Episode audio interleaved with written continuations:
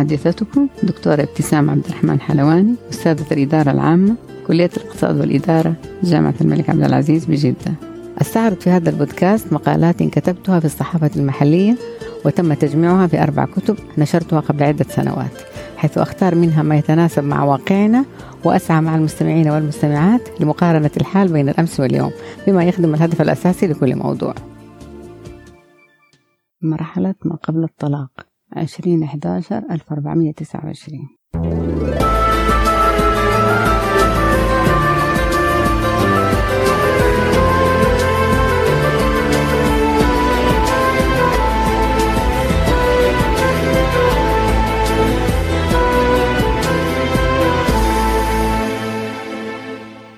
سبب كتابتي ذا المقال هو إني اكتشفت حالة طلاق عند ابنة زميلة كانت في العمل.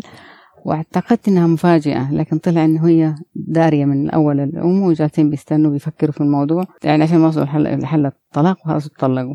فطبعا كان هدفي من المقال ده إني أبين آه، للناس إن أو أقول لهم إنه اللي تعرف انه ابنها ولا بنتها على وشك الطلاق لازم تتصرف. كيف تتصرف؟ الوقت اللي هو يسبق الطلاق المرحلة اللي هي يجلسوا فيها يفكروا عشان خاطر ياخذوا قرار الطلاق بعد اقتناع تام. فهذه المرحلة هي مرحلة ما قبل الطلاق اللي كنت أعنيها في المقال ده. الفكرة إنه طالما في فترة دراسة فالمفروض لازم نستثمر الوقت هذا لصالح العلاقة مو اللي ضدها. كنت طبعا بتكلم أنا بقول إني أنا بتكلم عن العقلاء من الأزواج والزوجات. لأنه في متهورين طول النهار كلمة الطلاق في فمهم من الأزواج. في نساء متهورات طول النهار طلقني. طبعا في مندفعين اللي أبسط حاجة يقول يستخدموا الكلمة دي. في اللي هم برضه بدون تفكير ممكن تكون البنت عند أهلها ولا عند زيارة ولا شيء يفاجئوها بإرسال ورقة الطلاق. طبعا أنا ما أعني دول الناس لأنه لا ينفع معهم نصح ولا غيره لأنه أصلا تفكيرهم مختلف وشخصياتهم مختلفة وطريقتهم مختلفة.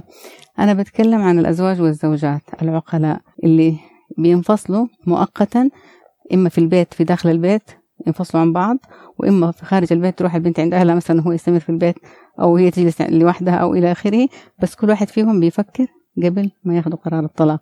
هذه الفترة اللي فيها تفكير أنا بقول سميتها مرحلة ما قبل الطلاق وأتمنى إنه الناس يستثمروها إيجابيا عشان خدمة الموضوع.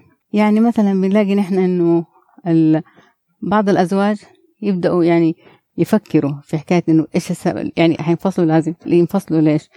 آه هل هي تستحق الشيء ده الانفصال ولا لا؟ هل هو هل هي مثلا سواء زوجة وزوجة بيفكروا طبعا كل واحد في بعض إنه قطعا إحنا المفروض ننفصل. هذه المشكلة اللي بتحصل إنه كل اللي جلسوا اللي يعني لما سألت وشفت الحالات اللي حاصلة حواليني إنه الفرحة الفترة هذه بتكون فعلا يرجعوا بعدها ينفصلوا. ليش؟ لأنه كل واحد فيهم بيشوف الثاني هو اللي غلطان. فخلاص ما دام هو الثاني غلطان بيصمم على إنه لازم ينفصلوا. مثلا طبعا الأسباب في الطلاق هنا كثير. نعرف إنه يعني في حالات كثيرة بتسبب الطلاق. بس مثلا بتكون البنت أو الولد بيكون واحد فيهم صابر على الثاني أو فجأة اكتشف إنه هو ما في أمل في الإصلاح. أو مثلا يكون صا... تكون صابرة لكن ما عندها أهل مثلا تروح لهم فتبقى تستنى لغاية ما تجيها فرصة إن هي تستقل بنفسها مثلا أو بتصير يعني عندها فرصة إنها تعيش حياة أفضل. آه مثلا يكون هو من النوع اللي ما يتحمل المسؤولية. أو هي تكون من النوع اللي مستهتر ما عندها آه، إحساس بالمسؤولية تجاه بيتها ومسؤولياتها وزوجها وهي هو نفس الشيء. أو يكون مثلا واحد فيهم آه ما يحترم الآخر في قلة احترام أو واحد فيهم يكون مريض مرض مثلا يعني صعب وما عرف ما عرف ما عرفت البنت أو ما عرف الولد. الحالة دي من الأول فطبعا بيكتشفوا الشيء هذا.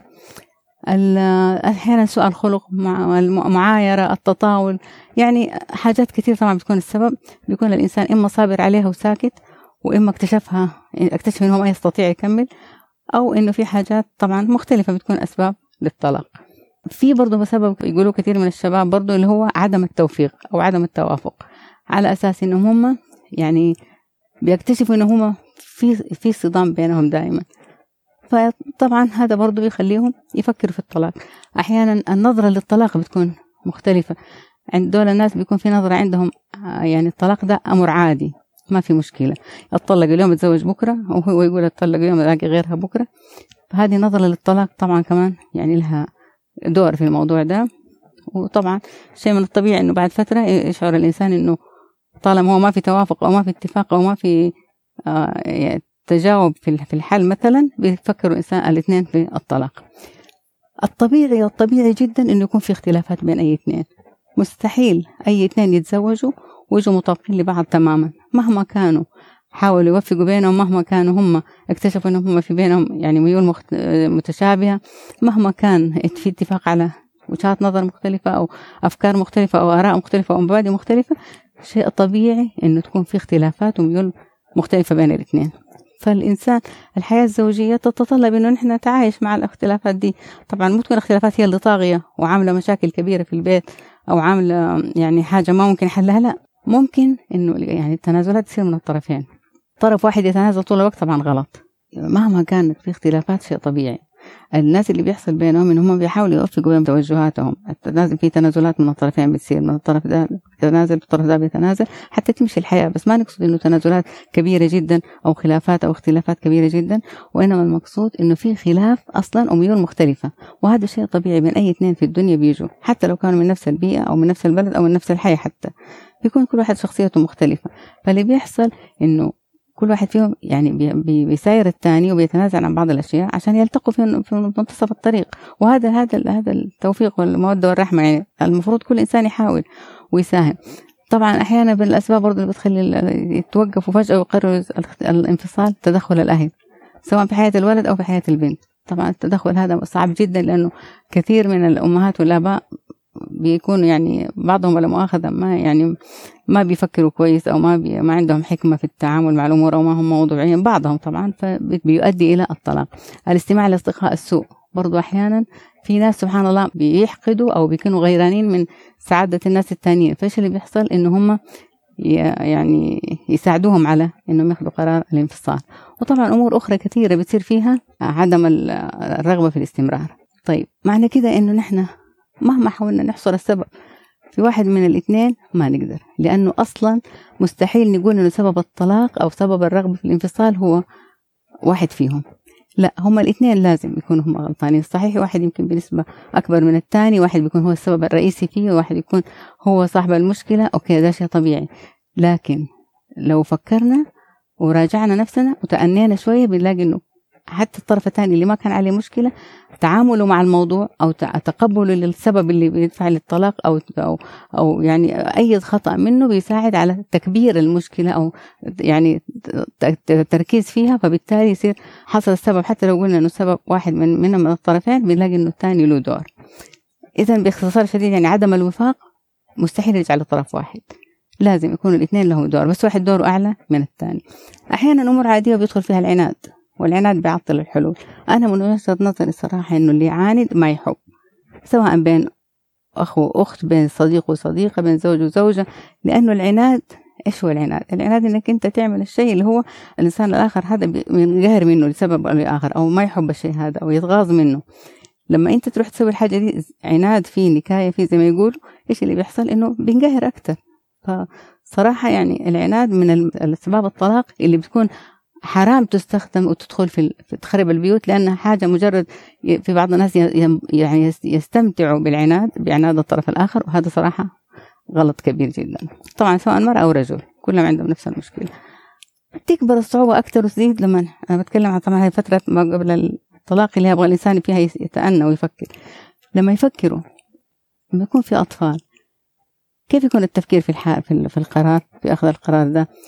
الأطفال دول كيف حالتهم النفسية حتكون؟ كيف حتتأثر أمورهم في المستقبل؟ لأنه كل المشاكل اللي حتصير دي حتنعكس على شخصياتهم وإذا انعكست على شخصياتهم حتنعكس على مستقبلهم. إذا المفروض إن إحنا نفكر فيهم صراحة. يعني في في ناس صراحة بيصبروا على على حياتهم مع بعض لغاية ما يكبروا الأطفال ويعني يكبروا في السن ويصيروا قادرين على الاعتماد على نفسهم أنفسهم وزي كده ويتطلقوا أنا ما أقول إنه الواحد يجي على نفسه ويغلط قصدي ويتحمل المشاكل كلها لا أنا أقول إنه يعني نتفاهم مع بعض. لازم نغير. الأطفال محتاجين الطرفين. محتاجين أبوهم وأمهم. مستحيل يقدروا يستغنوا عن أي واحد فيهم. طيب إذا معنى كده إنه آه أنا بتحطمهم. المفروض ان أنا مو أتنازل عشانهم بس أنا لا أحاول أحل المشكلة. لازم كل طرف زي ما قلنا يقوم بدوره عشان يصلوا لمنتصف الطريق. فهذا بالنسبة للأطفال. إيش ضمننا؟ كيف حياتهم حتكون الحياة الجاية مع الزوجة الثانية أو مع الزوج أو زوجة الأم أو مع زوجة الأب؟ كيف حياتهم حتكون إذا عاشوا لوحدهم ولا عاشوا مستقلين ولا عاشوا عند جداتهم واجدادهم آه، طبعا بيحصل حاجات كثير مشاكل بيحصل. مثلا أحيانا بعض الآباء والأمهات واحد منهم بيكون صراحة آه، أعتبر صغر العقل اللي بيسووه. مثلا بي بي ما بيرسل الأولاد بيحرمهم منهم بيرسلهم بشرطة بيرسلهم بإلحاح بيسوي لهم مشاكل لما بيروحوا لما بيجوا. هذا كله يعتبروه هم عناد في بعضهم لكن صراحة هو بيصير قتل.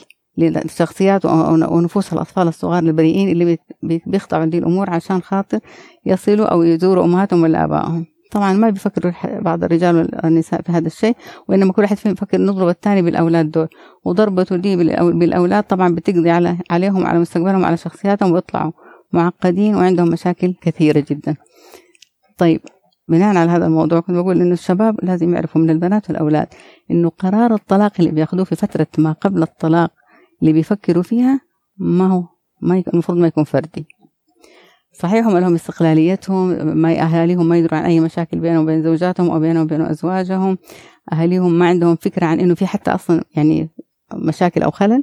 لكن هذا القرار خطير ومصيري وبيأثر على عدة أطراف إذا ما ياخذوه لوحدهم. كل صناعة قرار أصلا بتحتاج استخارة واستشارة ودراسة. فقرار زي ده المفروض برضه يكون فيه استشارة واستخارة.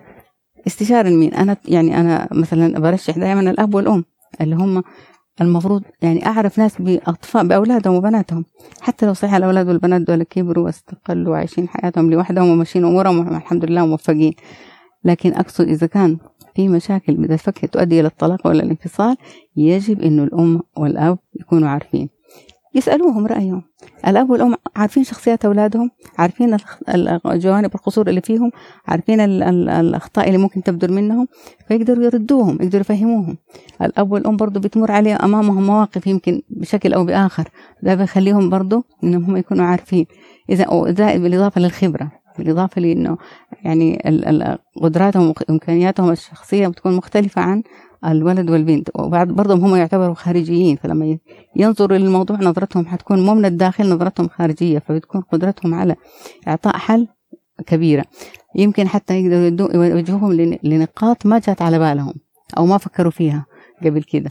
فهذا طبعا كله بيساعد على إنه القرار اللي يصير في الفترة دي ما هو قرار طلاق وإنما قرار إصلاح وعودة. بس لازم كل واحد يفكر طبعا على إيش؟ على الحاجات اللي هو ممكن يقدمها سواء تنازلات أو آه، يعني آه، أي أمور يحاول يساعد من خلالها على إعادة المياه لمجاريها. مو شرط لازم ينفصلوا في كل الأحوال لا يجب أن هذه الفترة تكون فترة دراسة وتأني من اللي حوالين الشخص الأب من أحيانا من اللي حوالين الزوج والزوجة ومنهم هم أنفسهم لأن هذا اللي المفروض يصير. طبعا إحنا نعرف إنه يعني هذا الموضوع المقال كتبته أنا قبل 11 سنة. كيف الوضع اليوم؟ لما نيجي نفكر أو نيجي نطالع حوالينا بنلاقي إنه الوضع صار أسوأ. الصراحة انتشر الطلاق بشكل كبير جدا. طبعا لو شفتوا حتى في أي دراسات عن الطلاق حتلاقوها مليانة. حتلاقوا في, في الأبحاث في في الندوات اللي بتحصل في, في النت في أي مكان حوالينكم في مواقع التواصل نلاقي إنه فعلا أخبار الطلاق انتشرت بشكل كبير جدا. مئات الحالات ولا نقول آلاف الحالات يعني طبعا اللي بيقول 149 حالة طلاق في اليوم واللي بيقول إنه آه ثلث المتزوجين الجدد بيطلقوا وإلى آخره. وهذا شيء طبيعي صراحة ملموس بنلمسه حتى كمان حوالينا في المجتمع بنلاقي إنه طلقوا كثير والمشاكل متعددة. طبعا يعني في ناس بيعتبروا إنه مواقع التواصل هذه لها دور. في ناس بيعتبروا إنه البنت أو المرأة تغيرت نظرتها للرجل فصار بالتالي آه يعني ما ما تعطي له قيمة وتفكر في الطلاق بسرعة. وناس يقولوا السيد راح عصره. هذه كلها مبادئ غلط. أساسا البنت والولد اللي متربين صح وعارفين قيمة العلاقة الزوجية وعارفين قيمة إيش معنى طلاق وعارفين إيش يعني انفصال دول ما يكون ما يفرطوا في زواجهم وزوجاتهم بسهولة. صحيح لو كانت في مشاكل كبيرة يعني بتدرس وبيحاول الواحد إنه يحلها لكن ما بيفرطوا في الزواج بسرعة. لا في تهيئة مناسبة. عندنا المناهج التعليمية ما ما ما, ما بتوجه لشيء بعض البنات والأولاد ما هم ناضجين عاطفيا صراحة. العلاقات الجانبية اللي صارت تحصل بسبب التواصل اللي صار بأي شكل بشكل أو بآخر. طبعا بتؤثر على البيوت. وصار بعض الشباب سواء أولاد أو بنات بيفرطوا حياتهم بسرعة عشان طرف جديد. هذه كل أسباب مادية أحيانا بتكون. هذه كلها الآن موجودة وانتشرت بشكل كبير. ليش؟ لأنه ما في صراحة نظرة سليمة للحياة الزوجية ولا للعلاقة الزوجية ولا تقديس لها ولا تربية صح؟ في المجال في, في المجال هذا. فالمفروض إنه نحن كلنا نحاول قدر الإمكان إنه فترة ما قبل الطلاق هذه نجلس فيها مع الأولاد والبنات ونتفاهم معهم ونشوف ندرس الموضوع دراسة وافية نكشفه بشكل يعني موسع عشان نحله. أو إننا نترك لهم هم. الفترة دي نقنعهم إنهم هم لازم يرجعوا لبعض ويفكروا في بعض ويفكروا في أولادهم. ما ما نقدر يعني لما هم لا يفرطوا في الفترة هذه وتكون فيها الدراسة دراسة متأنية وكبيرة لموضوع العودة. بس طبعا حتى لو بقى الأمهات لازم يكونوا حياديين وواقعيين مو عشان ابن بنتها ولا ولدها تميل له لا هي لازم تكون هي أو الأب لازم يكونوا أمينين وموضوعيين. ويدوروا على ثغرات يمكن ينفذوا منها عشان يلاقوا حل. ما في لازم في حتى لو يكون في جوانب تشجع الطلاق لازم في جوانب مفقودة ما يكون انتبهوا لها فنفكر كل واحد فين التقصير كل واحد يدور في نفسه فين التقصير اللي جواته. فيمكن في شيء ثاني يخليه يعني جدير بأنه يفكر مرة ثانية يتأنى مرة ثانية. ما في تضحيات وتنازلات من طرف واحد لازم الاثنين. التنازلات من طرف واحد ما تبني استمرارية جيدة بالعكس. يتذكروا الحب القديم يتذكروا العلاقات القديمة الذكريات الحلوة. كل واحد يحاول بنية صافية إنه هو يرجع. وطبعا في الآية صريحة جدا جدا جدا وهذه ما عرفتها ولا ولا فهمتها ولا دركت معناها غير قبل سنوات لما عملت دراسة ميدانية عن الطلاق. إن يريدا إصلاحا يوفق الله بينهما. يعني فعلا خطيرة الآية دي ما فيها قولان. إذا هما الاثنين نفسيتهم وشخصيتهم وتقبلهم كويس وراغبين إنهم يرجعوا فعلا بنية صادقة ربنا حيوفق بينهم. إن يريدا إصلاحا الاثنين مو واحد إن كان يريد إصلاح إن يريدا إصلاحا يوفق الله بينهم. فالمفروض صراحة إنه نحن نستغل الفرصة الفترة دي اللي هي ما قبل الطلاق ونحاول نرجعهم لبعض ونحاول قدر الإمكان إنه نوفق بينهم عشان ربنا يبارك لهم ويرجعوا لعلاقة زي ما كانوا.